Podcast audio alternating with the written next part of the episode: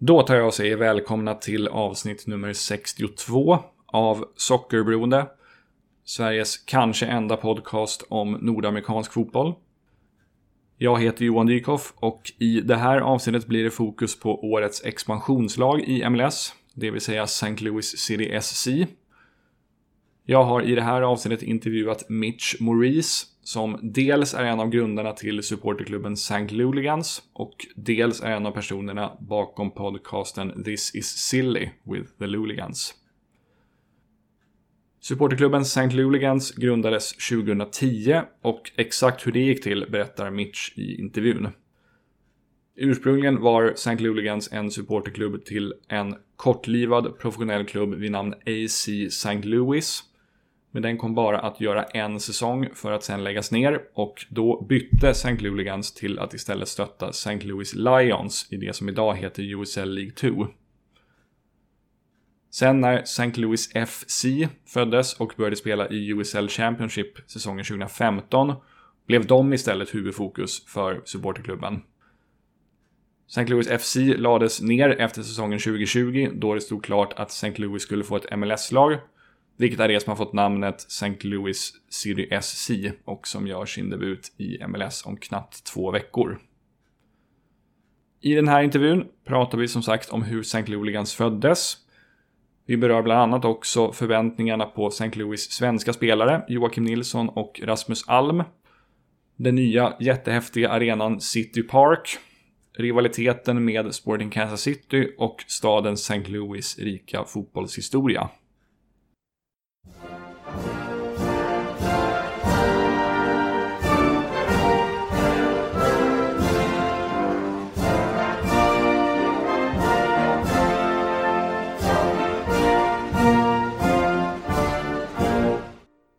So let's start off then. Of course, this interview will obviously primarily be about St. Louis City SC and the St. Louligans. But uh, since this is a podcast based in Sweden, I would like to ask you uh, what comes to mind when you hear the words Swedish soccer. Well, for us, it's a little bit different because uh, I, I, know this this past year we signed uh, Nilsson, uh, who is who's based out of Sweden. So you know that that's immediately the first thing that comes to mind for me is that hey, we have a Swedish player on our team, so that that changes everything. Mm. Uh, before that, you know, it was always just watching, you know, Euro Cup qualifiers, the World Cup qualifiers, seeing seeing what's going on. I'm probably more familiar with the Swedish hockey players than I am soccer players on a global on a global market. Uh, but yeah, like I said, once we got uh, Nilsson, it kind of changed everything. Mm, right. And if, uh, I, if I'm pronouncing his name right, if I'm butchering it, I apologize for being the ugly American. that, that's fine. And uh, Rasmus Alm as well. So you got two Swedish. Oh yes, yes, that's true. I, I, I, mean, everybody was excited about Joakim, so it was like that's you know that was the the marquee Swedish import. Yeah, exactly. We'll we'll get back to both Nilsson and Rasmus Alm later in his interview. Um, have you ever been to uh, anywhere in Europe to watch soccer? By the way. No, no. Uh, COVID killed that one. My wife and I were going to go for our 20th anniversary, and uh, uh, Croatia was playing England uh, that weekend. It was the Queen's birthday, uh, Jubilee, and the St. Louis Cardinals, where I live, were playing the Chicago Cubs at, at Wembley. So we had this great weekend and week all planned out for our anniversary, and COVID kind of killed it. So we had to push it back, but uh, I think for 25 in, in a couple of years here, we're going to make up for it and head over and, and spend probably two weeks. It's looking like over in Europe, and I want to do it during soccer season. We'll see if the wife agrees, but yeah, we'll find out what happens. Yeah, sounds fun. And Croatia, you said? Yeah, yeah, yeah it was yeah. Croatia versus England uh, at at the uh, Stadium of Light, so it oh, missed cool. out on that one. Cool. We have uh, one of our one of our good friends, Sarah Robertson. She's one of the other leaders. Her family comes from Croatia, so there's a little bit of a tie in there as well. Croatia is a beautiful country, so if you get the chance, you should definitely go go there. Yeah, yeah, yeah that's that that's definitely on my to do list. Like I said, we'll see if my wife is. It's, she's an artist and an art teacher, so I have a feeling we'll be in Paris more than I want to. Ah, right. um, moving on, I would like the listeners to get to know you a little bit uh, as well. Uh, may I ask you how old you are and where you were born and raised? Yeah, sure. Uh, I'm 47. Was born and raised here in St. Louis. Uh, mm-hmm. tried to escape several times, but something always happened to trap me here. Uh, married for, like I said, 22 years. My wife, Erin, got two kids Jack, who's 18, Ava, who's 13, going on 30. And, uh, you know, we've, we've been here pretty much all our lives. My wife's a teacher. So, she's staying until she gets her uh, retirement all squared out, and then we'll see where we head out, out of this point. But mm-hmm. soccer in St. Louis has just always been part of everybody's life growing up. I mean, it's a very Catholic city, and every church slash grade school that's a Catholic grade school has uh, it's called CYC, the Catholic Youth Conference, mm-hmm. and it is soccer, uh, soccer and basketball. And so growing up, it was always, you know, where where did you play? You know, were you on, you know, what what church team did you play for a club team? And that's how it's funny. That's how we always judge people. Like, oh, you played for White Star. You're this kind of person. You played for Levy or Busch or whoever the clubs were. You kind of knew who who you were dealing with just by you know reputation. It kind of was a uh, not the best way to stereotype people, but you usually knew who you were dealing with because, like I said, soccer's just so ingrained in our history. Mm. Uh, most famously, the 1950 U.S. men's national team upset England at the World Cup, and I believe it was seven or seven of the starting eleven were from St. Louis. Oh, and and and they, you know, they all played down on the hill. It's a Italian part of St. Louis where all the Italian immigrants grew up. Great food uh, great park, and and they all played there.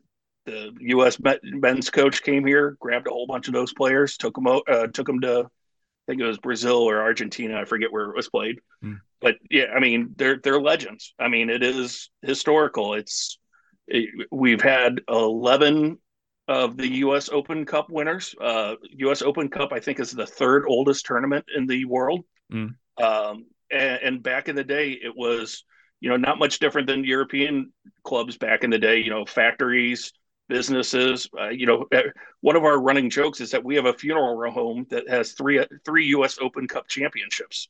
That their team that they sponsored that they sponsored won three of the titles. So it, it, it's it's always been part of St. Louis history, and, and we've always had some sort of team, Division two, three, four, amateur, women's, you know, now we finally got a first division team coming. I was actually about to ask about uh, a little bit more about uh, the history of soccer in St. Louis later, but you you, you pretty much covered it all. but, um, so, but basically, soccer has, if I understand you correctly, soccer has been a part of your life for as long as you can remember, basically. Yeah, yeah. I mean, you know, you know, like I said, you know, I I like a lot of other people went to you know, my age at 47. You know, it's a little bit different for the millennials and those younger, but you know, it was you went to either a public or a Catholic school.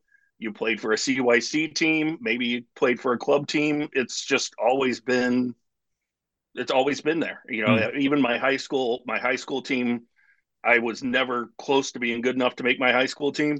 They, they were national champions my senior year. So it's just, it's always, it's, it's in the fabric of St. Louis.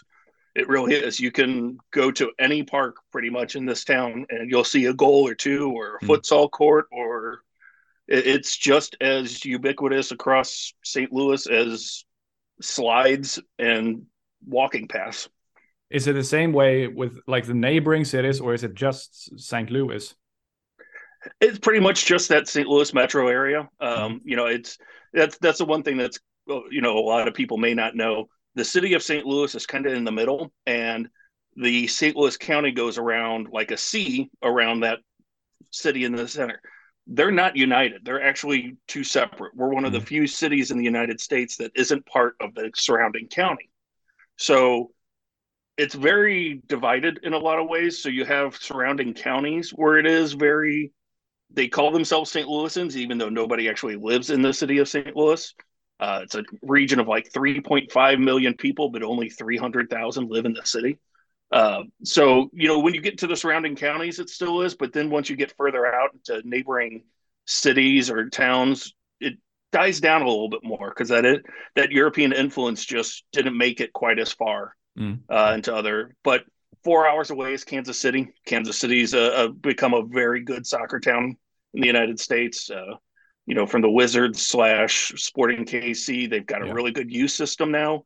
Uh, a lot of their youth system was built by former St. Louis people that went over there and, and helped build it for the Sporting KC. So it's yeah, it's starting to get to that point. Okay. Um, uh, which was the first professional soccer game you ever attended? Do you remember that? Uh, yeah, uh, unfortunately, it was indoor soccer, mm-hmm. I guess. So that's kind of the part of the problem. Uh, indoor soccer in the 80s here was huge. It was mm-hmm. as big as the baseball Cardinals, who were are massive. Uh, those guys were rock stars. Uh, so it would have definitely been that because we all went to that during the winter. That was just that was part of your life growing up. Uh, when it comes to the actual real outdoor soccer, uh, it probably wasn't until college when I went and saw Chicago Fire in mm-hmm. Chicago when we went up there. Um, but then a little bit of time after college, one of my friends worked for a radio, uh, the sports radio station here in town, and then we started getting access to events, so we could go see, you know, when Manchester United would do a tour or somebody like that would come come over. We would go to as many of those games as we could in other cities. Um, you know, MLS was still kind of a thing. St. Louis had been passed over. There were times that we'd go to Kansas City for something and catch a soccer game while we were there. There'd be 3,000 people in Arrowhead Stadium, which seats like 60,000. Oh, so it was it was very cavernous and very uh, uh, weird at some times. But now, you know, since then, the landscape has changed and you know soccer specific stadiums started being built and mm. and people started treating it as its own being instead of subordinate to american football or or whatever whatever the the previous setup was so now it's it's become more of a global behavior just mm. less uh cartoonish i guess i'll say uh and speaking of the fire i'm i've always been I've always been against the fact that they moved away from their soccer specific stadium to Soldier Field, even though I can I I understand it was probably for commercial reasons and the location of a Soldier Field, but I I just think it's it's it's a bit of a shame because Toyota is it still called Toyota Stadium? I think so. I think at one point in time there was like yeah, there was like eight Toyota stadiums in the United States. Yeah, so exactly. I, I, kind of forget. Yeah, yeah, there was like uh, yeah, the one there was a lot of Toyota. uh, I, which, see, which seems to be a pretty good soccer stadium, but uh, apparently it was difficult to get people to to to go out there because it's pretty far from downtown Chicago.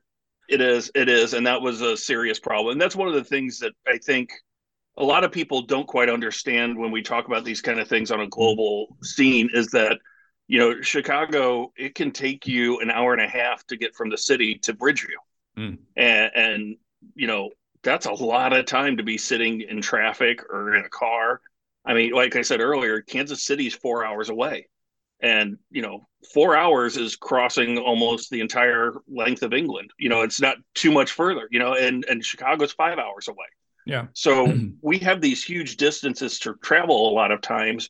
And then, you know, for those people just to go an hour and a half to a stadium and it basically out on the edges of the suburbs, they just they just weren't going. It, mm. it was not convenient. There's no public transportation. There's no and, and that is one of the things too, is that's you know, the MLS has definitely targeted themselves to be more of a city rebuilding urban environment focus and, and, you know they tell people they tell owners not to build in the burbs anymore mm. and and to you know make sure that there are you know revitalization projects going around these stadiums to make them you know vibrant and more youth oriented more uh you know tw- they're definitely targeting people in their 20s from a marketing perspective so they're definitely doing the you know lofts around and, and those kind of walking abilities to to focus on that demographic a little bit more and get away from the mom and dad and three children in the burbs go to a game on Saturday kind of deal. Yeah, right. And everyone is going by car. Uh, that, that's that's yeah, exactly. Yeah, I can definitely sense a difference in that uh, because as someone who has followed MLS for what is it now 14 years, like those stadiums that, that were built like 2006, 2007, around that time, they they were often built like well, t- take the Rapids for instance. Uh, th- their stadium mm-hmm. is like a half, I think, half an hour outside of downtown Denver. Yep. Uh, but, yep. but, nowadays it seems like it's they're actually put, putting like a it, it's more important to build it it's in downtown somewhere so people can walk yep. or take public transportation to uh, to the stadiums yeah dallas houston yeah uh, you know there's there's a bunch of well new england of course since they you know it's gillette owned yeah but you know it is it is something that they've made a very conscientious effort to put and and we're from our perspective we're happy about it because mm-hmm as I mentioned, all these surrounding counties, city is the central hub. You know, we all can go to that. You know, where where for example, our Division two team played out here near me. I'm in the Southwest County.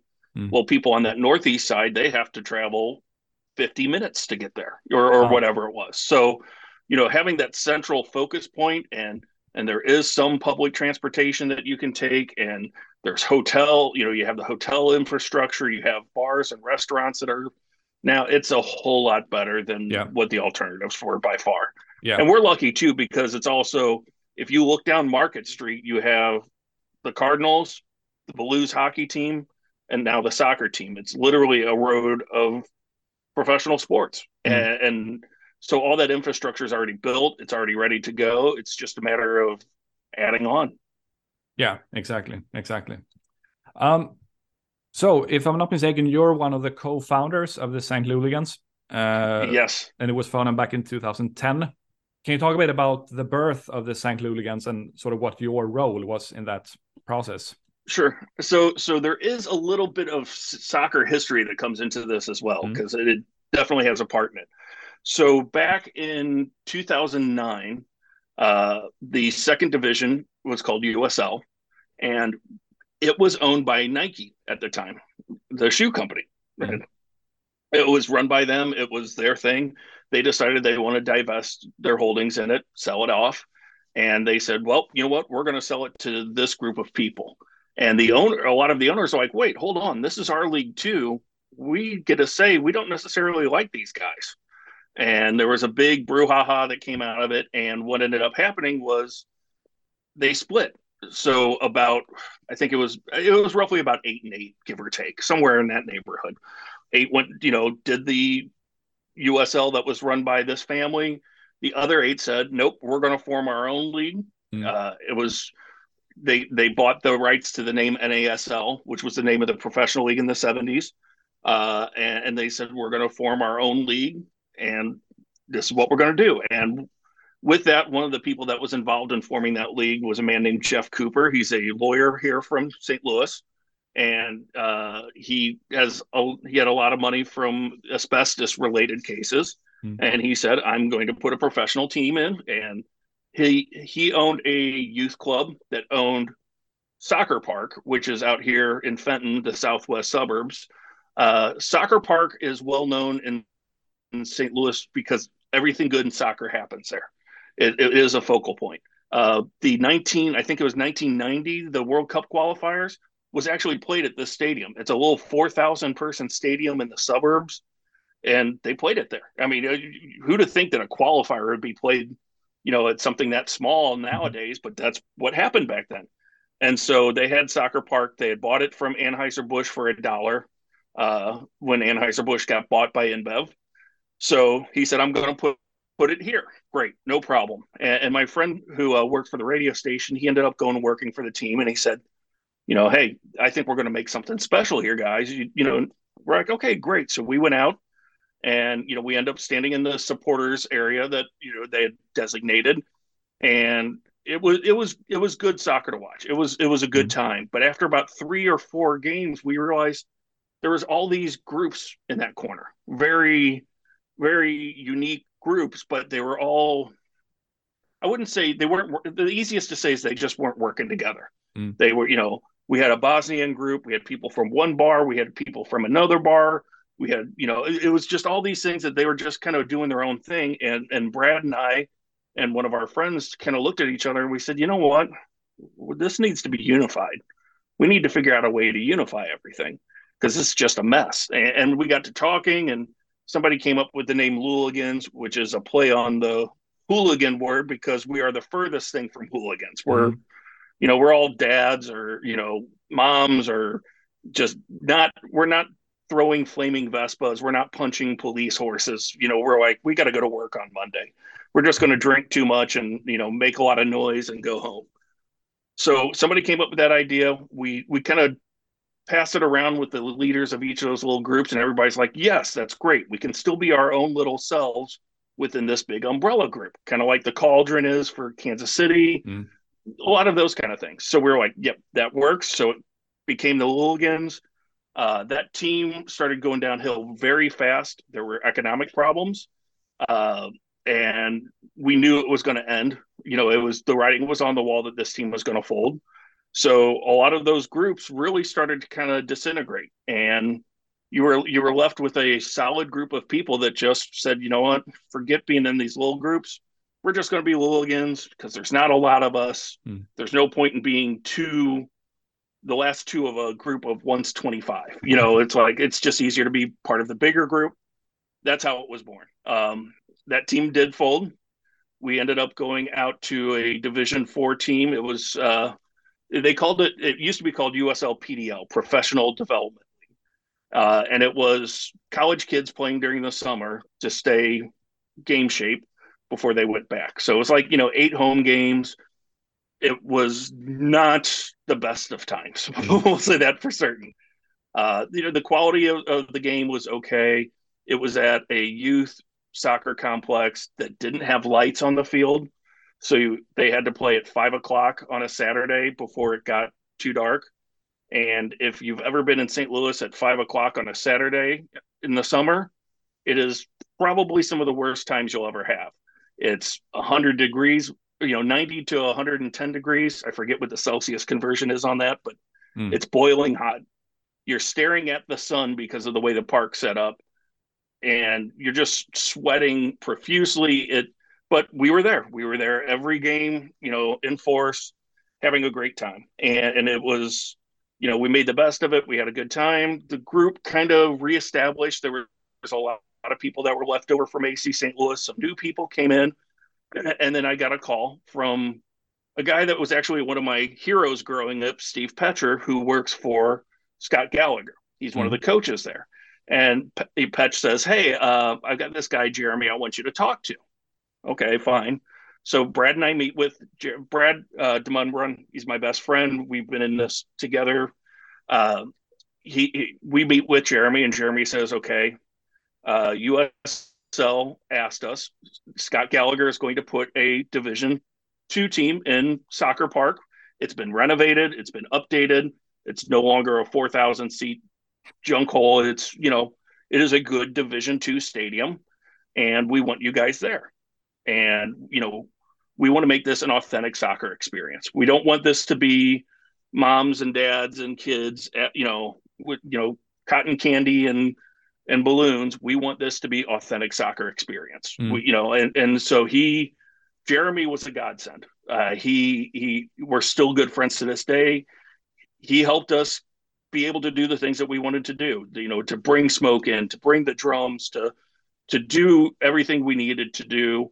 Uh, one of the great stories was we asked for our old section back at from 2010, and he says, "No, I want you guys to be in the other side so when people look at the instant replay, you're right below that instant replay board and you're part of it. Like mm-hmm. it was very much you guys are a focal part of the experience of the game. We want to give you all the power you can to do that. And that's where we took off.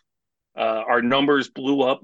Uh, we had a lot of people coming in, local, you know, television personalities, local athletes had come join us, local musicians uh, it, it, just became a great time. Our drum crew was is one of the best in the league at the time. Uh, they were just phenomenal. We had everything was fun and silly. You know, like there was one night where all we did was try to figure out songs from the 80s how they turned into chants because we were losing that badly that we just how are we going to make this fun so it, it, it, that was it it was just a lot of fun we you know after the game we'd give out a man of the match award and it was a beer bucket, since St. Louis is a beer town, mm-hmm. with the beer in it.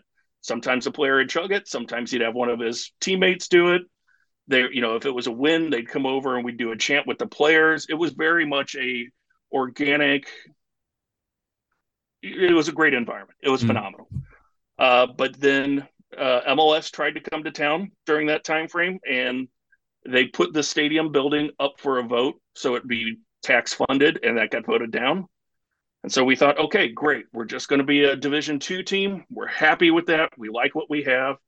And then the Taylor family, who own Enterprise Rent a Car and Avis, and there's a couple other brands, uh, they said we're going to buy an MLS team if they let us. And it was an all women ownership group, which is the first in pretty much most, I think, professional sports in the United States mm. to be a majority female owned and they said we're going to do this. And we got to know them a little bit at the beginning help them out through the process.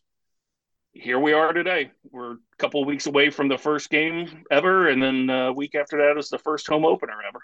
That's fantastic. Uh, what, what what makes uh, well i mean you've talked about the, the like the soccer history of st louis but what in your opinion what makes st louis a good uh, like a suitable city for an mls franchise is it so his, is it, a his, history good? Is that like no? The history is not enough. enough. It's yeah, the history is not enough by far. Uh, and and to kind of give give what really makes it work, I, I, like to kind of go back to the Cardinals and the Blues, the baseball and the hockey team. Mm. We like the goal scorers, we like the home run hitters, but we like the guys that are scrappy, that mm. you know get dirty, that work hard. Uh, you know, we call them lunch pail kind of guys. They're the guys that if they weren't professional athletes, they might be going to a factory and coming home dirty or, you know, carpenters or whatever. They're just the guys that put in a hard day's work every time. Uh, that is a very fundamental feeling in St. Louis. You know, it, it, the, they they just like those guys that work hard. Flashy's fun, flashy's good, but you're only going to get through it with hard work, teamwork. You know, it, it, that's just the St. Louis way mm. and and a lot of people realize that that is soccer. You know, you don't score a lot of goals. You don't, you know, you're a lot of the guys aren't, you know, have pretty uniforms when they get done from slide tackling and and the like. You know, it is it is a work workman's game a lot of days. Uh, that's where the history lies, and, and that kind of mentality, and with the history, with people playing growing up, it just kind of becomes that natural collection. Um, you know, I, I will say having the Blues, having the Cardinals here in town, you get a better fan experience because people are very emotionally invested. Mm. You know, you can go to a Cardinals game and there's an 85 year old woman sitting next to you who knows the batting average of the shortstop versus left-handers on Sundays. like they just they just love their Cardinals, and, and same thing with the Blues. You know, uh, my wife refers to the Blues as my abusive girlfriend. That they keep telling me they're going to do better. They say things are going to change. I give them my money, and they disappoint me every time. So you know, it, it, it but it, that's the thing. There's that loyalty. There's that respect. There's that just it's in your heart. Mm. And soccer is the same way in St. Louis. You know, you, you you roll if you were to roll a ball down the street, somebody's going to stop it, pass it back. You know, there it, it's going to be you can see footwork right away. It's just it's so many people have it built in. So, uh, you know, they pretty much every game is sold out. Uh, they had a record amount of season ticket requests. Mm. It, it, it's not just the new flashy thing. It is something that is part. Now, I say that we'll see how we do after six games if we're winning or if we're losing, how attendance goes. But but it is. It really is something that people are like, I need to be there because this is part of my life. Mm, I see. Uh, to what extent had you and like other soccer fans in St. Louis been following MLS before uh, St. Louis being awarded an MLS franchise? You're probably going to get different answers from different people. Uh, we have some people that say they wanted the best level of soccer available in the United States, so they were very into MLS. Mm. Uh, you have some people like myself. I don't. Fo- I didn't follow a lot of MLS because we had a team that was in a different division, and and and that's one of the things that a lot of people don't recognize is the USL. Uh, one of my podcast cohorts, Matt, who's from from England, from Manchester, says the only difference between USL and MLS is designated players that you know a lot of the players are on similar levels they just don't have the money to have better players mm-hmm. you know uh, to to join them so we had a good good thing with USL in terms of quality. So, uh, you know, you had a lot of people that were loyal because it was their city, their town, their team. You had a lot of people that wanted that to go to the next level that you know wanted to be at the top that you know if it's not the top we're not interested in mm. Uh, there is a lot of that as well i think too right now that oh now that we're in mls i wasn't i wasn't involved in soccer before but now we have a pro team. I need to learn everything about it so we can be the best. So you, you'll see different levels of interaction with people but i think that at the end of the day it all comes down to people just want to see the best soccer they can. Mm. Is it um, is it obvious that that um, St. Louis City SC is going to be like a bigger thing in the city compared to the previous like minor league professional teams? Oh, absolutely, absolutely. Yeah. There's zero question. Uh, uh, first off, the money involved is radically different. I mean, the st- the stadium alone was 250 300 million dollars uh, where soccer park is definitely not that you know uh, it's downtown. It, you know, again, you know, uh, uh, I was talking with Carolyn Kindle, who's the owner of the team, the the president. I she's got like eight titles, mm. uh, but she and I were chatting one day, and I I referred to Market Street as well. Hopefully, we can call it the the Street of Champions because the Cardinals have a lot of titles. The Blues finally won a Stanley Cup a couple of years ago. I said, you know, let's get let's get you guys a title. Let's let's make this a thing. And, and so, you know, she laughed and she goes, you know, uh, you better trademark it before I steal it. You know, we had a good time with it, but it is true. It's, you know, I think with it being in the city, with it being this pretty, I mean, and the stadium is phenomenal. We had a friendly there a couple or month or two ago, and it is unbelievable. It mm-hmm. I've been to a lot of MLS stadiums in the United States. I think I figured six or seven. This is by far and away the best. Obviously, it's the newest, so that helps. But the technology, the perspective, uh, what is it? No seat is more than a hundred feet away from the pitch. I mean, that's amazing. You know, mm-hmm. yes, it does mean it's very vertical in some points, but there's not a bad seat in the house. The you know the internet connection is amazing. The view is amazing. It, it's it is really a icon for the city to say, look at this beautiful stadium in the middle of a developing area. Come get it. Mm. Sounds exciting. Uh, I was actually just about to bring up uh, the stadium, but but you pretty much covered that as well. But uh, so, so that's uh, so, and you went to the Bayer Leverkusen game. You said uh, that yes, the friendly, yes, yeah, which was the inaugural, yes. inaugural game. But the first competitive game is going to be in uh, against Charlotte, right? In yep. yeah, yep. second week of March fourth. Yeah, yeah, yeah. My wife's birthday. Happy birthday, honey. Ah. We're uh, yeah. Uh, that, that was it's a joke in our family and friends, and it's like how romantic for your birthday. He's taking you to an event where you're all gonna drink and make a lot of noise and be stupid. and my wife's like, "All right, let's go." Um, but yeah, yeah. I mean, the stadium it's it's phenomenal. The location is phenomenal. We were lucky uh, we had already had a developing relationship with Schlafly, uh, who is a brewery here in town, and we couldn't have been luckier. The stadium is literally built right across the street from Schlafly's mm. uh, brew, brew house. So we, I mean, we literally just walk across the street to our section. It is that close. Uh, but yeah, I mean, it, it is it is a great experience in the Bayer game you know, we were able to have a street party before the game. Walked right across the street with the march, the chanting, the flags, the smoke.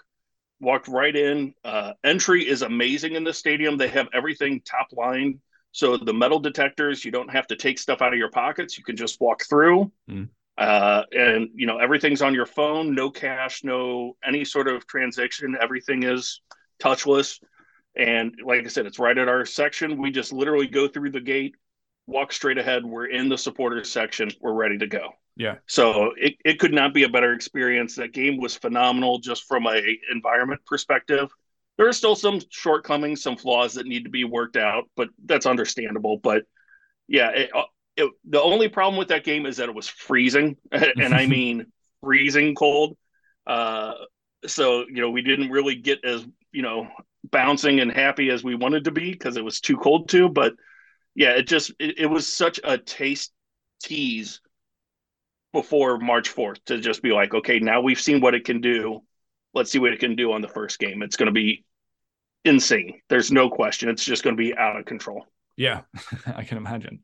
Uh, by the way, uh, re re just returning to uh, the St. Louligans for a bit, uh, do you have mm -hmm. any like, um, do you ha have any like official role or like position with the St. Louligans trade, like vice president or something? no, um, we've always said we're kind of a meritocracy. That mm. you know, you do work, you get the benefits.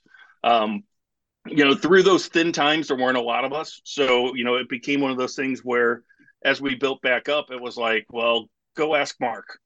Well, right. go at you know, people would say, go ask Mitch, go ask Brad, go ask Sarah, and you just kind of fell into roles. And, and then uh, about a year or two into being at, at Soccer Park with St. Louis FC, uh, we became really good friends with the owners, who are president and CFO of Worldwide Technology, a, a large IT supplier here in the states, and they you know they got involved with us when we had a we had a charity game every the first Saturday after the new year. We always have a food drive game where you know we, we get out in the freezing cold, raise as much money, collect as much food for the food bank, help out the needy. Mm. And they said, you know, you guys do good with that. You really need to see what else you could do charity wise. So a couple of events happened, kind of blew up. We are now a charity in the United States for tax purposes. Uh, every game we have a raffle. We call it a schlaffle because Schlafly was a big sponsor of it at the beginning, giving us a lot of uh, swag to give away. So it's eternally named the schlaffle. Uh, but it is, you know, it might be player signed boots or jerseys or stuff from Schlafly or, you know, whatever gets donated, raffle it off, raise money for local charities that are important to us. Mm-hmm. Um, one of our founding members, one of my best friends, Casey Blick, he died from colon cancer about two years into the Louligans. Mm. So first game every year, colon cancer charity. That's you know it's in concrete. Uh, but you know, uh, childhood cancer is one that we're really involved in. The local food bank, the unhoused. You know, every, member can bring something to us. We'll see how it fits into our list of charities. If it works, we do it. Sometimes we have days that we go help those charities. Uh, we have a side group called the Thieves. Mm. Uh, it's primarily female run, and it is about the unhoused and the unwelcome. That you know they have uh, drives where they go deliver blankets and supplies to the unhoused, mm. uh, and, and try to help the the, the people that normally don't have a place in sports, the LGBTQIA, the you know uh, trans people, the people that are a lot of times shunned by American society, you know, the thieves say, hey, you got a place to stand with us where you're safe. So, you know, as a result, we've kind of been able to build a, a really good setup here in, in the community in terms of what we can do. I think we're over three hundred thousand dollars raised in the past few years now oh, wow. uh, for local charities. So it is it is a really big thing, but that's that's the only thing that we have any sort of structure with, just because you have to with the mm-hmm. government mm-hmm. for tax purposes. But yeah, I mean, you know, uh, we've got a team of like six or seven that work at the merchandise stand. We've got a couple of guys that did tailgates when we could still serve food. We've got a guy that you know basically plays DJ. We've got the drummers and the capos that lead stuff. It's just about people finding their space, asking how they can help out, mm. becoming part of it. And you know, like I said, sometimes if somebody comes up and says, "Hey, I got an idea for this," okay, let's see what we can do. You know, mm. it's it's always organic. It's always very much a do-it-yourself mentality and and just you know see see what we can do to make things more fun, better, sometimes sillier, whatever whatever the mood is asking for. Let's try to do it. Yeah, that's fantastic. It, it, seems like that's more common in the United States than in Sweden, for instance. I, I, know that there definitely there are supporters groups in Sweden who do like community work and such things, but I, I wouldn't say that it's as frequent as in as in the United States. I, I don't know what what what's the reason, but I There's probably a societal conversation to happen. Could be, yeah. I think I think you guys take care of your uh, less fortunate better than the United States does. Yeah, it, yeah, right. It could could actually be because it, it's not needed as, as much over here, unfortunately. Yeah, exactly. yeah, exactly. Yeah, um, you know, we we yep. we may be a rich and powerful co- country, but we tend to forget those that need the help the most, and. Mm and, and like I said, you know, that's one of the great things about this. We can drink a lot, make a lot of noise, act stupid, and throw money into a bucket to help people. I mean, it's it's a good time. Yeah, for sure, for sure. Um, looking ahead to the upcoming MLS season, um, like how strong would you say that the current St. Louis City roster is, in your opinion? this is a uh, a common discussion point on our show and several other ones that have mm. come up. We have no idea. I, there are a lot of incredibly talented players.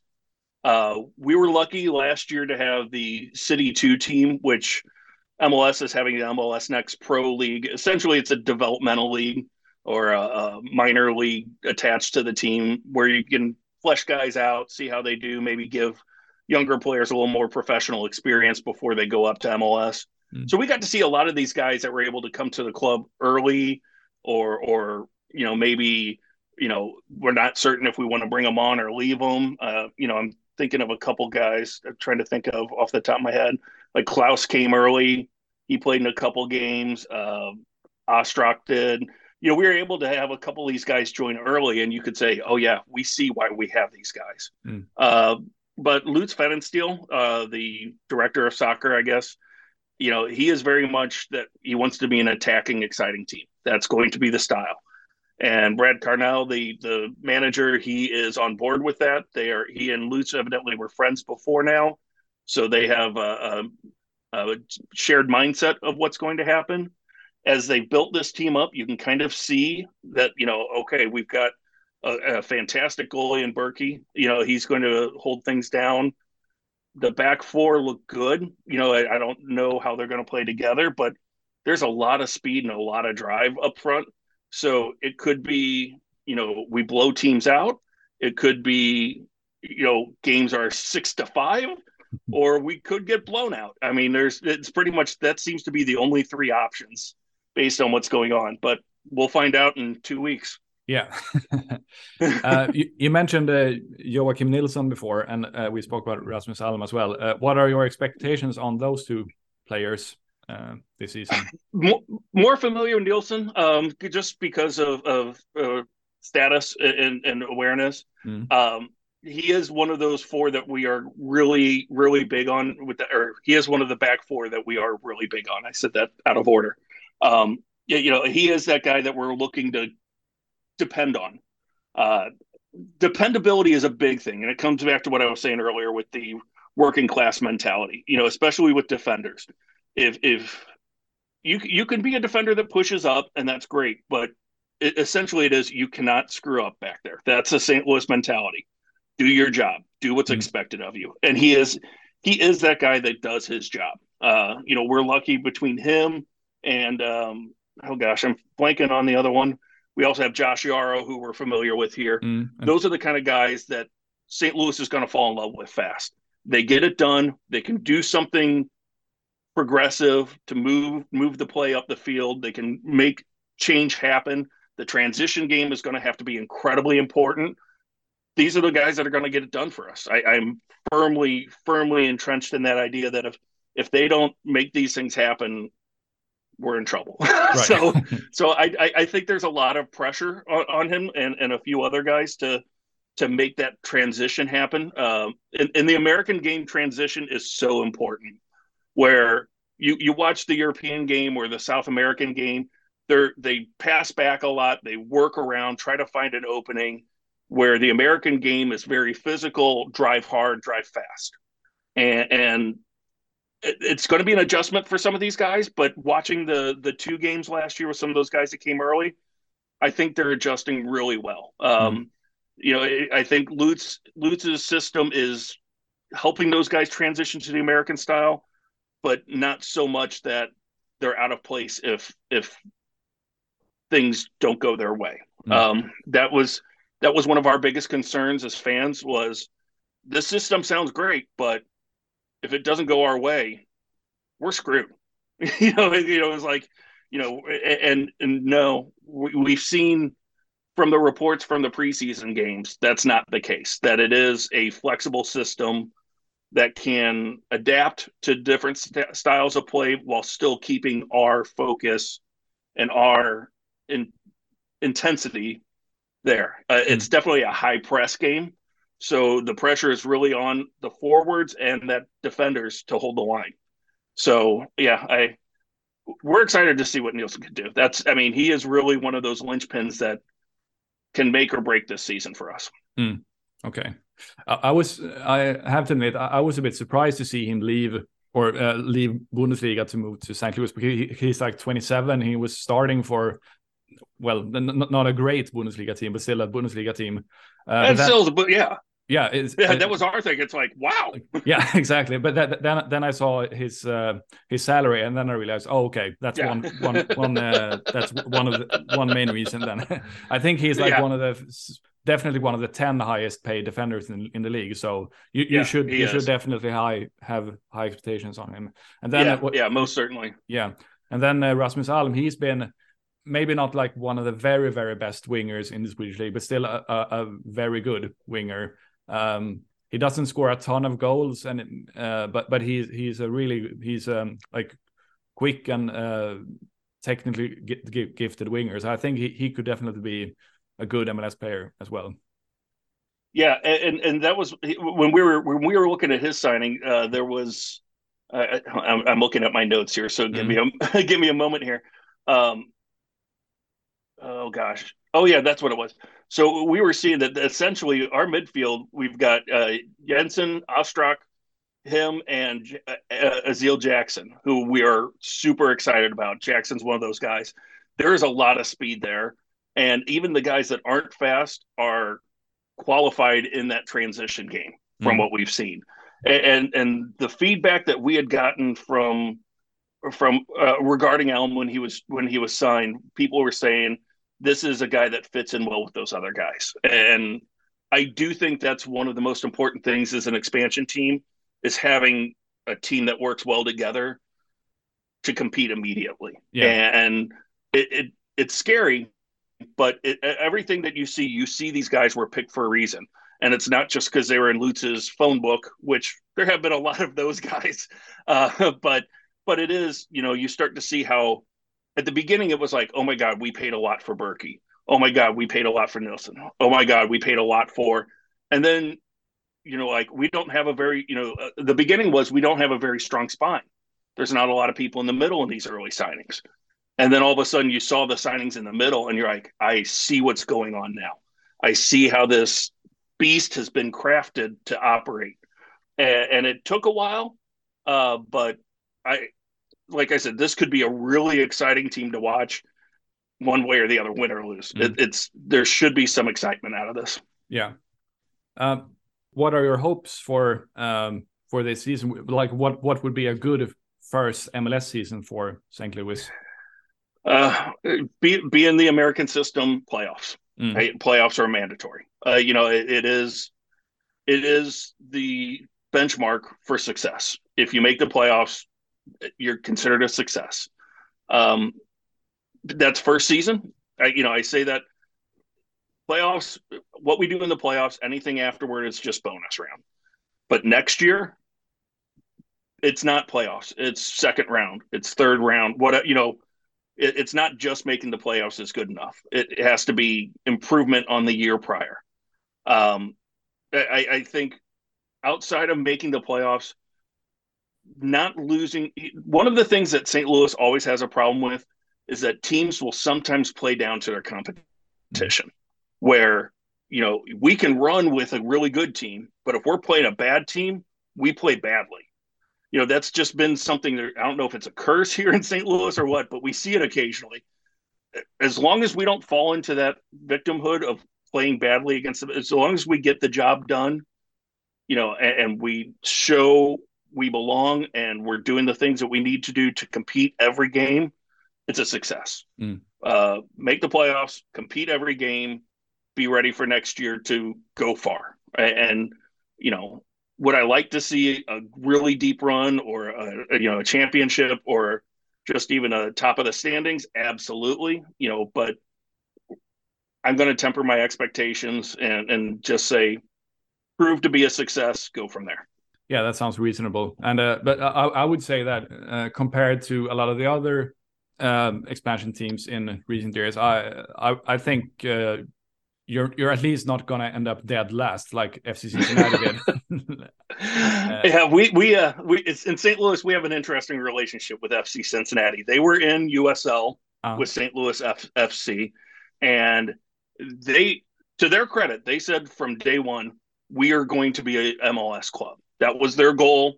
We're not going to be in this club for long. We're going to MLS, and their marketing was very plastic and inauthentic uh, all they cared about were how many tickets they sold, not you know not what the product was.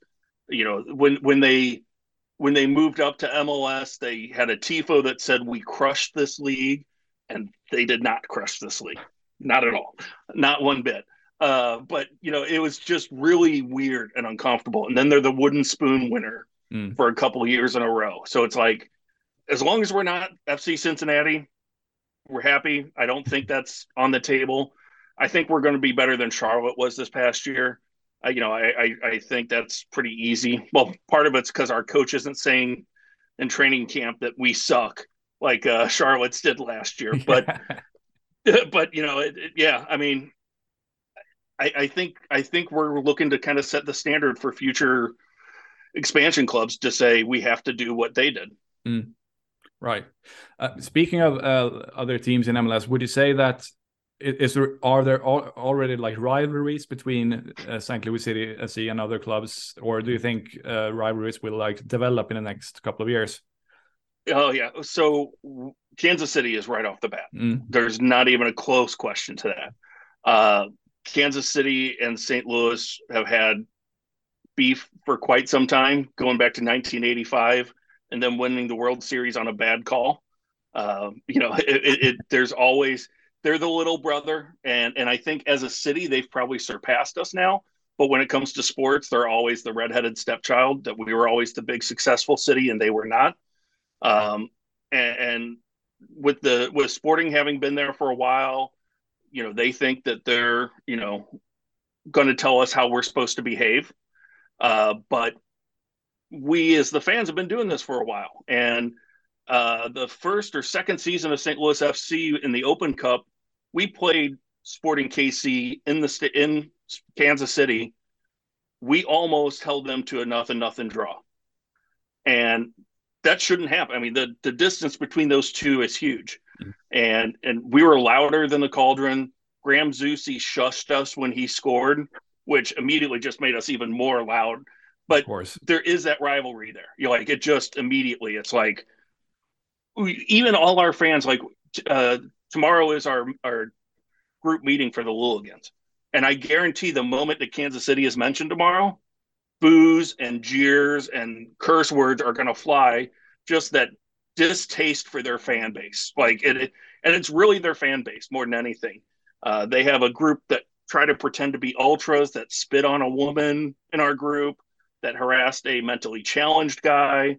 Uh, they they've gotten in trouble for having a sex offender in their group. Mm. Like they're just not good people, and you know we're like we just want to shut them up with victory. You know, it, it, winning winning stops every bad person from acting out in, in, these kind of situations. So that's the biggest one by far. Um, Chicago and St. Louis have always had a bit of a rivalry. It isn't like it used to be, uh, just because most of the time Chicago teams haven't been good. Mm. So it's not been a you know, that might that might turn out to be something, but right now I think it's a little dead. And I think Nashville is probably going to pick up at some point in time. Uh, it's five hours away. Mm. Nashville is a great town to go party in for a lot of people. Uh, it's going to be. It, I have a feeling that's going to be a very intense rivalry once things pick up. Yeah, They've switched to the Eastern Conference now, however. Um, yeah. So yeah. you're not you're not going to play them as much as SKC, for instance. Uh, unfortunately, yes, or hmm. fortunately for our livers, one of the two. exactly. um, before we, we wrap things up, is there anything uh, St. Louis City or St. Louligans related that you would like to give a plug for? Anything in particular that you would like the listeners to check out or know about? Yep. Uh, we we we have a show, uh, Brad, Matt, and Sarah and I called "This Is Silly" with the Louligans. It's uh, on all your podcast availabilities. Been doing it for about 11, 12 years now.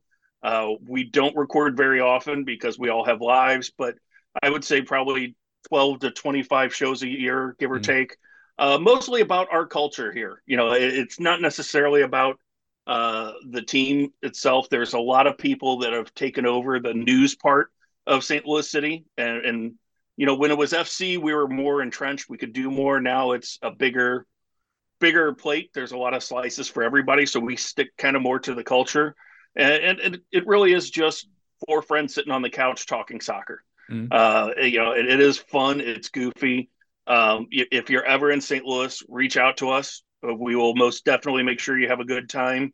Uh, send you home with a hangover, and, and uh, you know make sure it's been wonderful for you. Uh, and and you know, and yes, we think the color is pink, even though they call it city red. Uh, we we are definitely team embrace the pink. Uh, it, it's a great it's a great color. It's unique. It's hard to replicate. So you know, don't be afraid to get that pink and stand out. and that's you, you, can follow with the St. Louis on every social media platform as well. Right? Absolutely, absolutely. Twitter, St. Louis, uh, Facebook, Instagram. Uh, our website doesn't get updated very much like we should just because there's so much going on but mm. the the big three are definitely the best ways to keep up with us. Um, there's always something going on with us in terms of events. And even if you just see that we're doing a charity that you want to participate in venmo paypal we take it all. We're always happy to help out. So whatever you can do we're always here for it. Otherwise you know don't be afraid to watch us from afar and and, and show show the rest of the world that we're here to play.